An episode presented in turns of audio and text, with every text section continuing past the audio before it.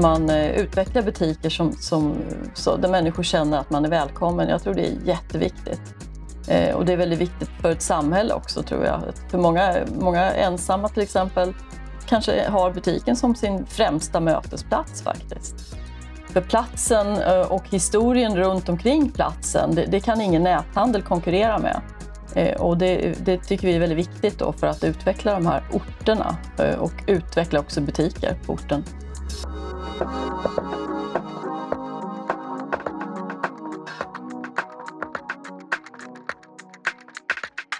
Du lyssnar på Forskarmötet, Handelsrådets podd om handelsforskning. Med mig Ylva Åkesson och idag har jag med mig Karin M Ekström som är professor på Högskolan i Borås. Hej Karin, hur är läget idag? Hej, jo tack det är bra. Det är snö och solsken. Det är bra. Du sitter ju just nu och lägger handen vid ett forskningsprojekt som ganska snart är avslutat, som är finansierat via Handelsrådet och som handlar om den fysiska butiken som mötesplats och därmed också orten som mötesplats. Eller hur? Ja. Mm. Är det någonting i det här nu när du är på sluttampen som du och din kollega blev överraskade över, förvånade över? Ja, vi såg väl att, att de här orterna som vi har studerat, de har en enorm potential att utvecklas. Vilka orter var det? Eh, det var Eslöv, Ullared som är ett framgångsexempel och Vingåker. Eh, och Eslöv eh, kan väl både, både, eller både Eslöv och Vingåker kan lära från Ullared. Men vad vi, vad vi har reflekterat mycket över, över i vår analys det är ju hur, hur man kan utveckla de här orterna genom att koppla till platsen. För platsen eh, och historien runt omkring platsen, det, det kan ingen näthandel konkurrera med. Eh, och det, det, tycker vi är väldigt viktigt då för att utveckla de här orterna eh, och utveckla också butiker på orten. Ullared, är ju, Ullared och Gekås är ju en väldigt känd destination för shopping. Vingåker, om man är från Mellansverige så känner man igen det för modeshopping, Vingåkers Factory Outlet. Eh, Eslöv, berätta varför ni fastnade för Eslöv. Eslöv fastnade vi för, för att Eslöv är ju en, en, en stad som satsar på handel. Att utveckla handeln i, i Eslöv och, och utveckla centrum.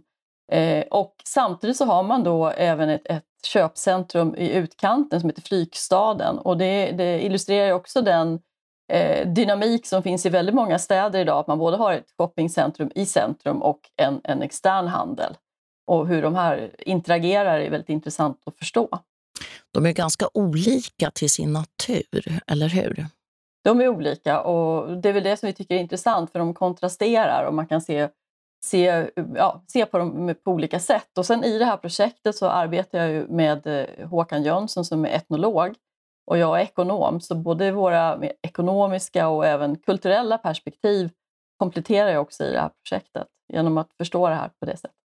Om du skulle ge några råd till platsutvecklare inom handeln, inom kommunen, vad, vad är det för nyckelord man ska tänka på där?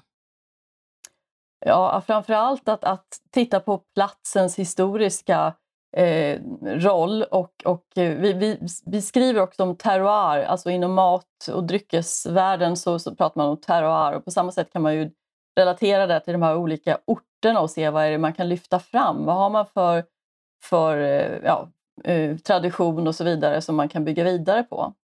Så det är ju framförallt viktigt. Eh, men sen är det ju också överhuvudtaget att, att förstå hur kan man konkurrera med näthandel och stora köpcentrum på mindre orter? Det, det, det fordras en hel del engagemang där, att verkligen att människor känner att det är värt att åka dit, att utveckla upplevelser, service och förstå att, att, att hela orten faktiskt bygger de här platserna. Det handlar inte bara om butiker utan här måste ju också både fastighetsägare, eh, ja, kommunrepresentanter och invånare också vara med och förstå att man gemensamt bygger orten. För annars så, ja, utan handel på, på de här respektive orterna så blir det väldigt tomt och eh, eh i och med att handeln också påverkar infrastrukturen så har det, kan det ha väldigt negativ effekt om handeln stänger ner.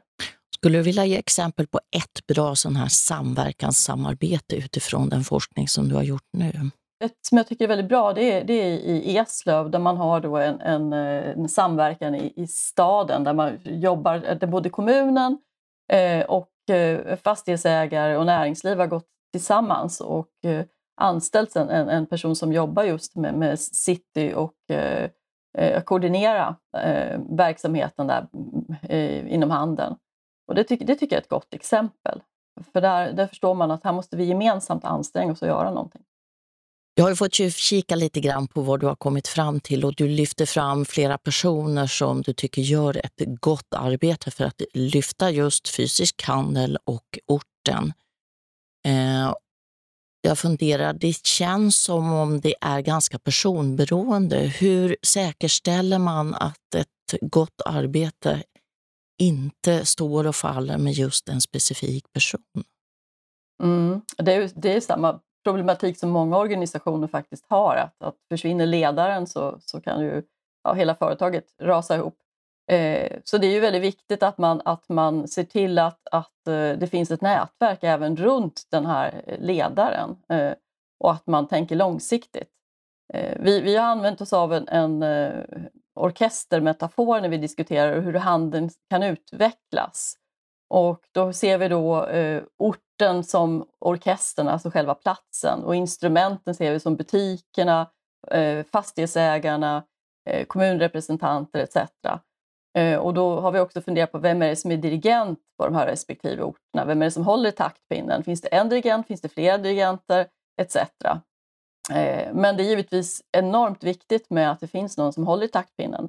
Och mycket tror jag att, att, att de här orterna kommer att utvecklas framöver. Det hänger väldigt mycket på att det finns också en entreprenörsanda. Att man, att man också förstår hur viktigt det är att, eh, att entreprenörer eh, ja, lockas till orten och att utveckla orten. Du sa någon gång att den ensamma entreprenören det är liksom inte ett hållbart koncept längre. Nej, precis. Ensam är inte stark. Definitivt inte. Eh, och det, det, tror jag gäller överhuvudtaget i vårt samhälle idag, att det är viktigt att man samarbetar. Eh, men det är oerhört viktigt och menar, när det gäller den här dirigenten som vi tänker på, på respektive ort eller om det finns flera också, så är det också viktigt att den här dirigenten är väldigt lyhörd eh, och inte bara kör på utan givetvis är lyhörd för olika önskemål och kan koordinera och samarbeta och nätverka. Och det tror jag också är en väldigt viktig aspekt i dagens samhälle, att förstå det här att man ska samarbeta och nätverka. Eh, det är väldigt, väldigt viktigt. Och alla har inte den förmågan, vissa har den förmågan. Och det, det tycker jag man ska försöka ja, lyfta fram om det finns. När du säger dirigenten så tänker jag förstås på Boris Lennerhov när det gäller Ullared. Men du hade också ett roligt exempel på en person som jobbade i Ullared och sa att man vet inte om det, men egentligen är det jag som är chef. Förklara ja, lite grann. Ja, just det. Mm. Precis. Mm. Ägarna vet inte om det, men det är jag som äger, äger företaget. och med det ville du säga att det här personliga engagemanget ska gå ända ut till slut, ja. slutmötet med kunden? Absolut, och det är jätteviktigt. Och det är väl det som vi också har sett i den här studien, då, att, att ledarskapet spelar verkligen roll. Men att också etablera en vi-känsla, att man känner att man är del av det här, att, att, eh, och utvecklar tillsammans. Och det är något som vi slås av eh, när, vi, när vi besöker då GK, så att det finns en gemenskap och en vi-känsla. Och det är någonting som jag faktiskt tänkte på första gången jag åkte till GK. Så det var när jag, när jag började, eh, med min, jag fick min professur på Högskolan i Borås, då åkte jag till GK och slogs just av det här att man har en väldigt eh, eh mycket alltså vi-känsla och ett engagemang som, som eh, genomsyrar hela verksamheten. Och för, alltså ledarna, eh, Boris går på golvet och plockar skräp. Eh, inköpscheferna tillbringar stö, största delen av sin tid ute på golvet. Alltså, så att det, det, ja, alla rör sig i organisationen och det, det, är ju management by walking around och det tycker jag också är väldigt viktigt. Eh, och det kan jag tycka i eh, butiker över, överlag så kan jag tycka många gånger under de åren som har gått så har många butiker varit väldigt anonymiserade.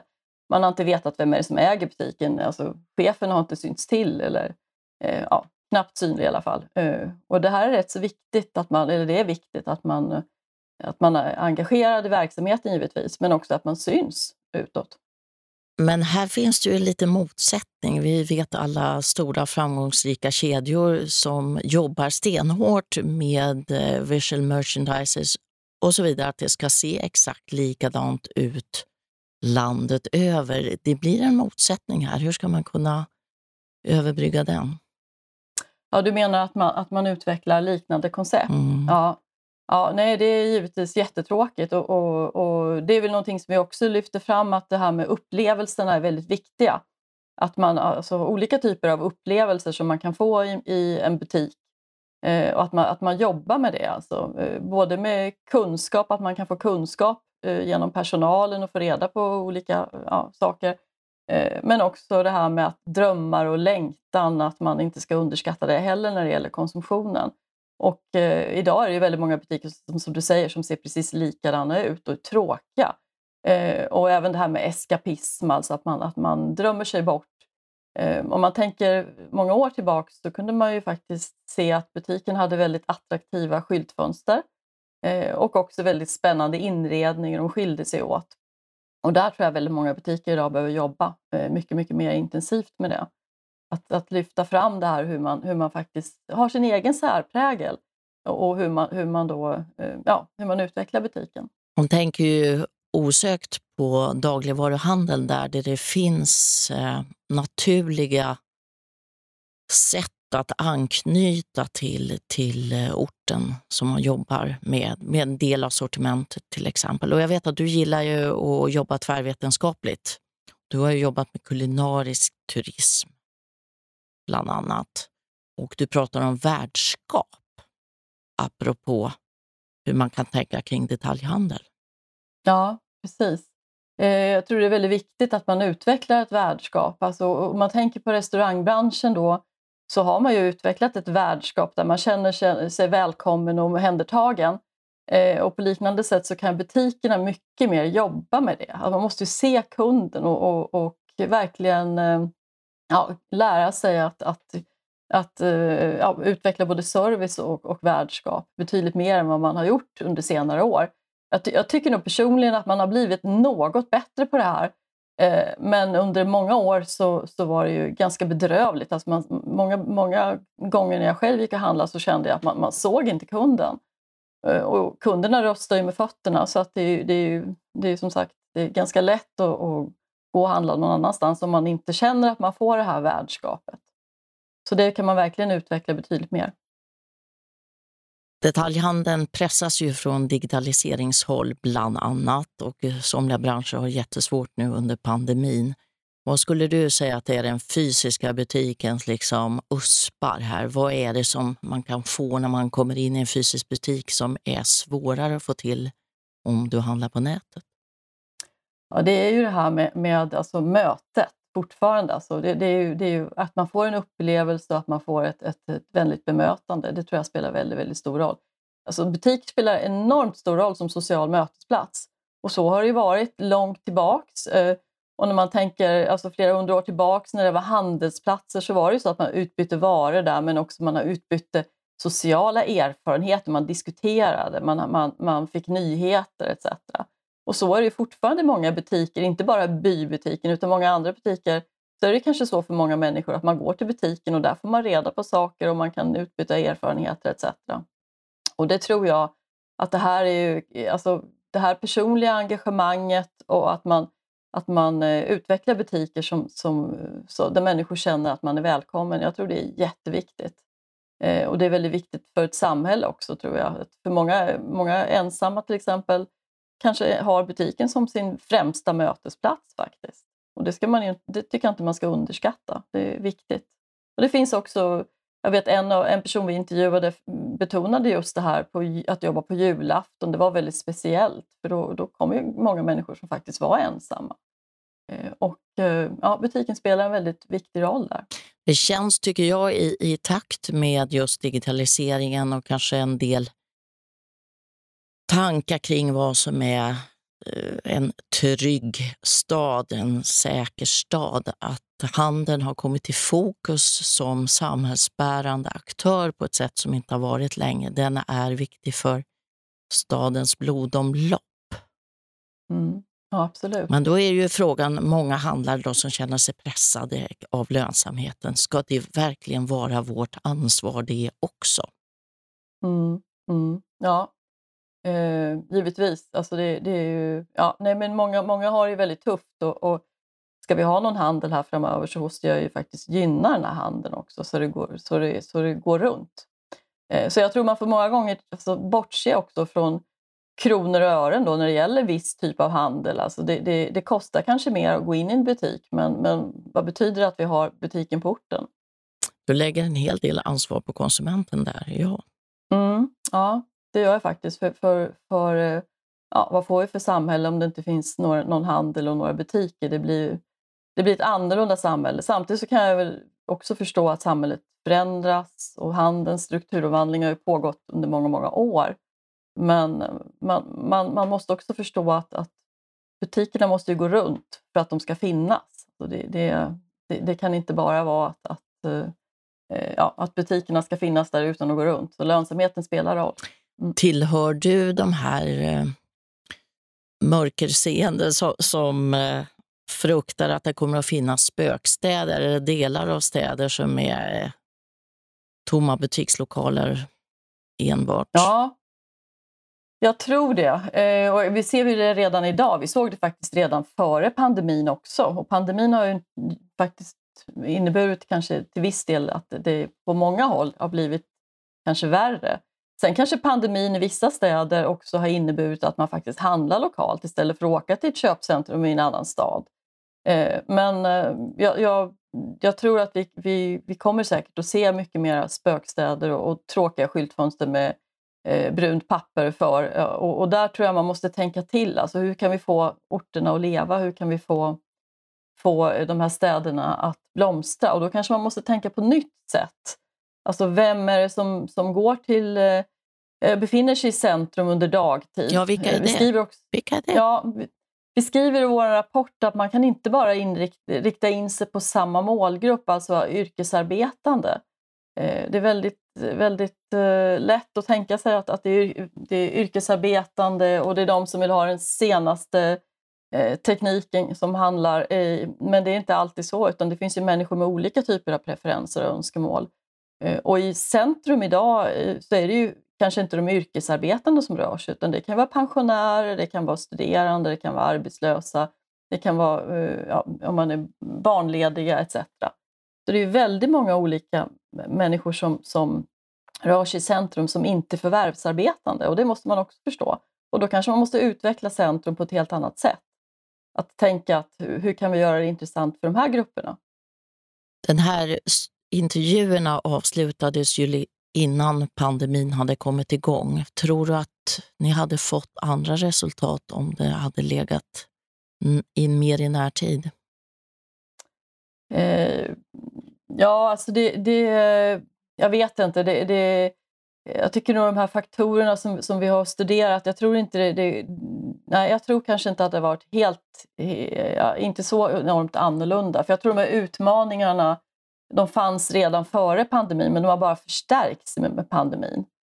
Eh, så nej, jag, jag, tror nog inte att det har varit så enormt stora, stora skillnader kanske i våra resultat. Du gillar ju att vara ute i samhällsdebatten. Du, du skriver artiklar och böcker, inte bara kring handelsforskning utan även om annat. Hur har du tänkt dig att de här orterna som du har studerat tillsammans med din kollega och andra motsvarande orter ska kunna få del av resultatet och få inspiration? Ja, det, det är vår rapport som vi har skrivit väldigt populärvetenskapligt för att den ska nå ut. Och det är våran, både Håkans och min dröm att den verkligen når ut, att, man, att den kan ligga på, i kafferummet på, på, i butiken eh, alltså, och att olika personer kan ta del av den och inspireras och, och kanske framför allt att man eh, kan disk börja diskutera de här frågorna mycket mer och, och, kanske också ställa frågor. För det är ju egentligen det som forskning ska leda till, att man ställer frågor. Alltså det, det, det, då har man ju börjat reflektera och fundera. Har det varit lätt att få folk att ställa upp och prata med? Har det funnits ett sug efter den här typen av kunskap? Jag vet också att du hade någon idé om någon roadshow när ni skulle åka runt och berätta om resultat. Ja, jo, nej, vi har haft väldigt fint gehör och vi är väldigt tacksamma för alla som har ställt upp. Och så nu, nu planerar vi då att, att alla som har ställt upp på, in, på det här också ska vara med på ett seminarium när vi presenterar resultaten Och då tänkte vi presentera det på de här olika orterna då. Så vi når ut och så man kan få igång en diskussion på de här orterna också för att ja, vi kommer ju inte med några patentlösningar utan som sagt mer, mer kommer med olika reflektioner om hur kan man göra och hur kan man tänka för att utveckla de här orterna. Och det, det är inte någonting som man kan göra på Eh, några månader eller något år utan det är långsiktigt strategiskt tänkande att man måste fundera mera i banorna om hur, hur kan vi utveckla orten? Hur kan vi, göra, kan vi, ja, hur kan vi göra en, en om, omvärldsanalys eh, kontinuerligt till exempel? Att strategiskt jobba med omvärldsanalys och då inte bara företagsledningen utan, utan alla, alla anställda. Så det är många sådana såna frågor. Mm. Ska vi säga någonting just om Vingåker, kring Vingåker som platsen plats, att det har varit en handelsplats sedan länge, men det kanske man inte vet om när man kilar ut och in för att titta på märkeskläderna. Om man går inte in i centrum så ligger väldigt nära själva outleten. Precis, och Vingåker har en tradition av att ha varit en handelsplats flera hundra år tillbaks i tiden. Och där, där bytte man olika typer av varor, sålde olika typer av varor, textil, spannmål etc. Och även kreatur. Man kom från stora delar av Sverige och, och ja, köpte och sålde kreatur. Så det finns en lång tradition. Men sen har Vingåker också en textilhistoria. Och eh, Vingåkers Factory Outlet ligger ju i en gammal textilfabrik. Och det som du säger, det tror jag många inte vet om. Och det, det kan man utveckla alltså betydligt mer att, att, att eh, berätta om det här. Eh, det är en fantastisk tradition som, som verkligen förtjänas att, att berättas om. Eh, och jag tror det är väldigt viktigt då att man förstår de här orterna, på, på, på hur, hur, har de varit och hur har de utvecklats? Och, och eh, ja, man får, får, får med sig det. och jag, jag tror faktiskt att de har en enorm möjlighet att kunna utvecklas om man tänker mer på även historien och hur, hur det har sett ut. Ska du säga någonting om parkeringsplatser som alltid brukar komma upp i sådana här sammanhang? Ja, eh, många små, eh, mindre orter de kanske har mer tillgängliga parkeringsplatser men, men eh, ja, parkeringsplatsen är ju ett problem för många, många centrum. Eh, och där har ju köpcentren en stor fördel då. Eh, men parkeringsplatserna kommer givetvis upp och den här frågan har diskuterats på, på de här orterna och, och eh, framförallt i Eslöv diskuteras det viktigt att man alltså har tillgång till parkeringsplatser och, och att man, man, ja, att man, kan, man kan lätt komma, komma, kunna parkera och så vidare. Och det är ju jätteviktigt. Det är tillgänglighet och det är också någonting som de här orterna måste tänka på. Eh, och, och, butiker, alltså hur kan vi göra hur kan vi vara tillgängliga eftersom konkurrensen är så hård? Så det är oerhört viktigt att, att fundera på det. Du, du har ju forskat i, i stora delar av ditt liv, eller hur? Ja. Mm. Du har säkert något sånt drömforskningsprojekt som du går och funderar på ibland. Vad, vad är det för någonting? Ja, jag drömmer ju väldigt mycket om och, eh, alltså jag är väldigt, jag är, jag är ju konsumtionsforskare i grund och botten eh, och jag har funderat väldigt mycket på varför vet vi så lite om olika eh, inkomstgruppers konsumtion? Den stor, majoriteten av all forskning, både i Sverige och internationellt, har fokuserat på medelinkomsttagare. Vi vet oerhört lite om låginkomsttagare och vi vet väldigt lite om höginkomsttagare. Så det är en dröm att kunna studera de här grupperna och jämföra och se hur man förhåller sig till konsumtion, men också hur man jämför sig med varandra i förhållande till konsumtion. Eftersom konsumtion idag är en väldigt stark social markör och väldigt viktigt att konsumera många gånger för att få vara delaktig i samhället. Eh, alltså konsumtionen inkluderar och exkluderar och, och, och, har en väldigt viktig roll i människors liv. Så därför skulle jag tycka det var väldigt intressant att få studera hur olika människor med olika socioekonomisk bakgrund då förhåller sig till konsumtion och hur man tänker kring konsumtion och vilka konsumtionspraktiker man har och så vidare. Eh, och det är rätt så förvånansvärt att vi vet så lite om eh, både höginkomsttagare och låginkomsttagare i synnerhet i ett samhälle som idag som är eh, mycket mer polariserat än tidigare eh, och väldigt segregerat på många sätt. Eh, så den här kunskapen är viktig och in, den är viktig för, för väldigt många aktörer i samhället och för väldigt många politikområden också för den delen. Så det, det är rätt anmärkningsvärt att vi vet så pass lite om konsumtionen i olika grupper kan det kanske vara så enkelt att det inte har varit så intressant för alla aktörer att titta på de som konsumerar lite mindre än andra? Så kan det nog vara. Alltså det är ju mer spännande med de som konsumerar och har potential givetvis. Men det är ändå intressant för alla konsumerar ju. Även om man inte konsumerar kanske på samma sätt då, så konsumerar man ju ändå. Det är ändå väldigt viktigt att förstå det här. Eh, och, och eh, ja, jag, tycker, jag tycker det skulle vara väldigt, väldigt intressant faktiskt. Du var ju tidigt ute och tittade på aspekter på hållbar konsumtion också. Mm, ja, jag tycker håll, alltså hållbarhet i, i, hållbar konsumtion är som sagt väldigt viktig. Och, och, jag hade ju ett projekt på Handelsrådet när jag och kollegor studerade eh, klädhandel och, och, kläder, alltså återanvändning och återvinning av kläder och textil. Och Det var väldigt spännande. Och Det handlar ju om ekologiska aspekter av hållbarhet. Då. Alltså hur kan man minska eh, att människor slänger kläder i soporna? Eh, och det där är fortfarande någonting som jag faktiskt brinner väldigt mycket för. För att just klädindustrin står ju väldigt mycket för eh, negativ miljöpåverkan och här måste vi ju tänka om. För det är ju överproduktion och överkonsumtion som vi måste förhålla oss till, alltså göra någonting åt. Så eh, den, de här aspekterna, hur man kan då ja, agera mer miljövänligt ur ett ekologiskt perspektiv är jätteviktigt. Sen tycker jag sociala frågor som sagt är också väldigt viktigt. Social hållbarhet. Eh, och den diskuteras inte alls lika mycket men um, jag skrev en debattartikel för några år sedan om yngre konsumenter bland annat, att, att eh, många unga konsumenter jämför sig väldigt mycket via konsumtion. Och det där är någonting som är viktigt också att diskutera i skolor och så vidare. Att, att, eh, ja, vad har det här för effekt egentligen? Sociala medier har gjort att man kanske jämför sig ännu mera. Alla vet på bara några minuter vad man fick i julklapp. Eh, och det kan vara ganska tufft då om man befinner sig i en situation att man inte har råd att konsumera. Så jag tycker de sociala aspekterna är väldigt viktiga och även alltså, ja, tillgänglighet, demokrati. Eh, så den, den typen av, av, hållbarhet och även eko, ekonomisk hållbarhet är jätteviktig.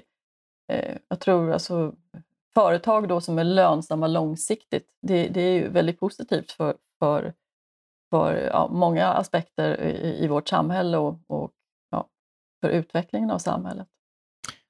Om vi knyter an till staden där, så just när en del butikslokaler står tomma, vad kommer det? Jo, det kommer mycket som handlar om service, tjänster, kaffe, men också second hand-butiker av olika slag. Det, det, har vi ju sett blomma upp väldigt mycket. Nej, också väldigt mycket likriktning i många. Alltså det blir väldigt mycket man kan se många frisörer, man kan se många pizzerior, man kan se massagesalonger etc.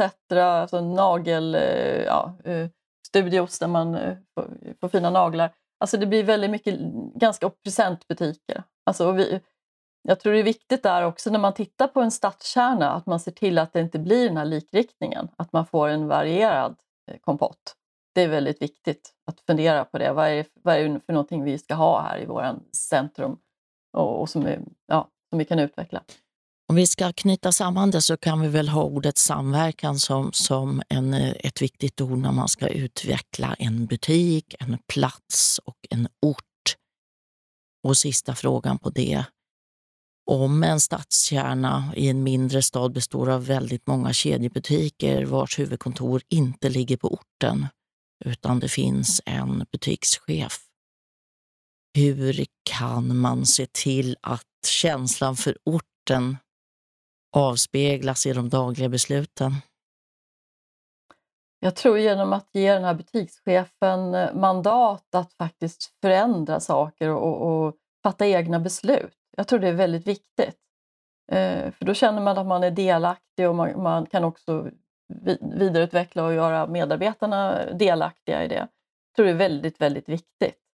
Eh, så om, om, till exempel en ort bestämmer sig för att nu ska vi ha de här öppettiderna och vi ska eller ha det här jippot eller evenemanget. Eh, då ska, tycker jag den här som är butikschef ska ha mandat att faktiskt tacka ja eller nej till det.